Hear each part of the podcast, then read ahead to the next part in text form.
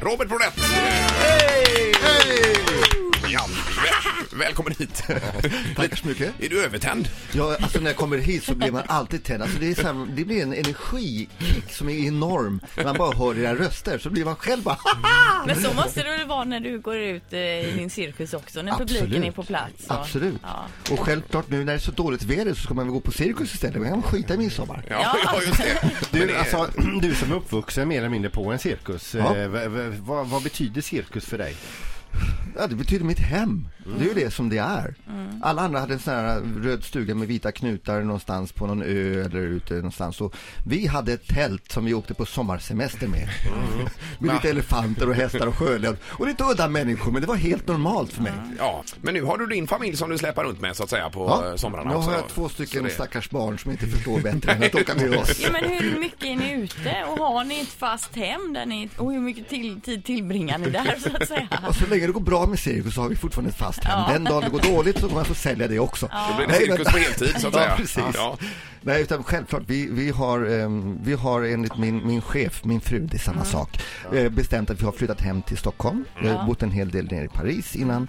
Och, eh, så där har vi ett fast hem. Eh, och meningen är att mina barn ska gå i skola där. Och, eh, men nu på sommaren, och så länge de är små, de är ju tre och fem år gamla. Ja, ja. är de med och De är med, de tycker det är jättekul. Ja, det det, är ju vara- världens roligaste lekplats med den här, allt från den här cirkusparken, vi har ju 12 olika eh, här stationer nere på, på Cirkus eh, Skott som öppnar ett par timmar innan föreställningen börjar. Med massor med duktiga pedagoger som lär ut hur man jonglerar och hänger i trapets och går på lina och rollar, allt, allt möjligt. Och för dem att gå där och bara leka och vara, det tycker de är, det är Ja, jätteroligt. det är klart. Eh, Hur stort projekt är det att förflytta den här cirkusen då Robert? För att jag menar det är ju mängder med elefanter och det är... Ja, Och det är väl Europas största cirkustält? Ja, det är helt... Jag har läst på. Det stämmer.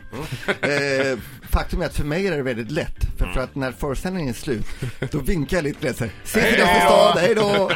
Men, men eh, för de andra stackarna, det, det, tar dem, eh, det tar alltså fyra dagar att flytta. Det gör det, Och ja. det är inte därför att vi är dåliga på det hela, utan det, det är så mycket bröte som ska med. Just det. Elefanter, hästar, stort tält ser jag just nu här i, i Men, men de här maskinerna som slår ner tältspiken till exempel. Ja. Vilka as! Ja, det är, det, är, det, är, det är helt riktigt. Men det är väldigt skönt att det är maskiner idag som gör det här. Förut så var det, man, man brukar säga oh, det var så romantiskt när man såg fyra, fem personer med, med slägga som stod och slog där. Ja, det var väl väldigt romantiskt i sig. Men de här förslitningsskadorna som kommer efteråt, Ja, ja. de var inte lika tjusiga. Men du, har, det, har det hänt att ni med den här eh, spik, tältspiksmaskinen dratt en spik rätt ner i eh, något kommunalt avloppsrör? Nej, men vi har däremot eh, tagit och dragit ner i Köpenhamns eh, huvudledning, reservkabel. Eh, det Ström. Var, strömkabel. Aj, aj, Ja, aj. nej, det var billigt. Det var inte mer än 600 000 kronor det kostade. Oj, Oj då. Du, får jag också liksom- fråga, vad hette den medarbetaren? Peter Pennev hette han. Han jobbar inte kvar Nej, längre. Nej, inte såklart. Men, Men eh, vi har, förgyll, vi har däremot förgyllt den, den, den järnspettet har vi förgyllt och det, det hänger på kontoret. och det är värt 600 000 Ja, det är värt 600 000. släkten Om det är någon som vill ha det så får ni gärna köpa. Men hur är det, hur, för, hur förändrar sig cirkusen med åren? Det är självklart så att eh, cirkusen förändras ganska mycket. Eh, Jag, jag slutade med Cirkus Scott 2002. Eh, Därför jag var väldigt trött på den, den eh, traditionella nummervarieté som Cirkus Scott och traditionell cirkus står för. Jag, jag känner jag hade inte mycket mer att tillföra. Vi hade gjort det då under 65 års tid. Farfar, farmor, pappa, Henry och jag. Eh, Det kändes som jag hade fulländat den formen av cirkus. Så att, Eh, skälet till att jag satte igång igen var ju det att jag tycker att det här nya konceptet med allt från den här cirkusparken som man då kan vara i ett par timmar innan och själv vara artist till att göra en föreställning som har en historia.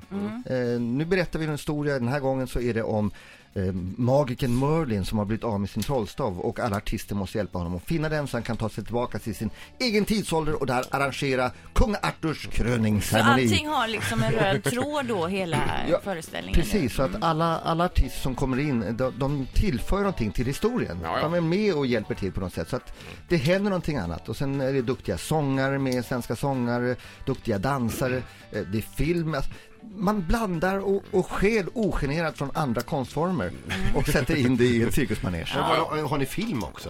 Ja, vi har en, en, en prolog som, eh, som finns som förklarar handlingen. Så man förstår varför vi nu befinner oss i den situation vi gör i det här tältet här i Göteborg. Med elefanter, sjölejon och artister.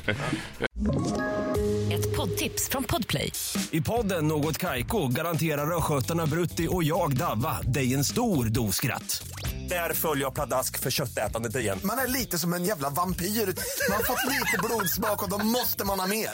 Udda spaningar, fängslande anekdoter och en och annan arg rant. Jag måste ha mitt kaffe på morgonen för annars är jag ingen trevlig människa. Då är du ingen trevlig människa, punkt. Något Kaiko, hör du på Podplay. Därför är gardinerna.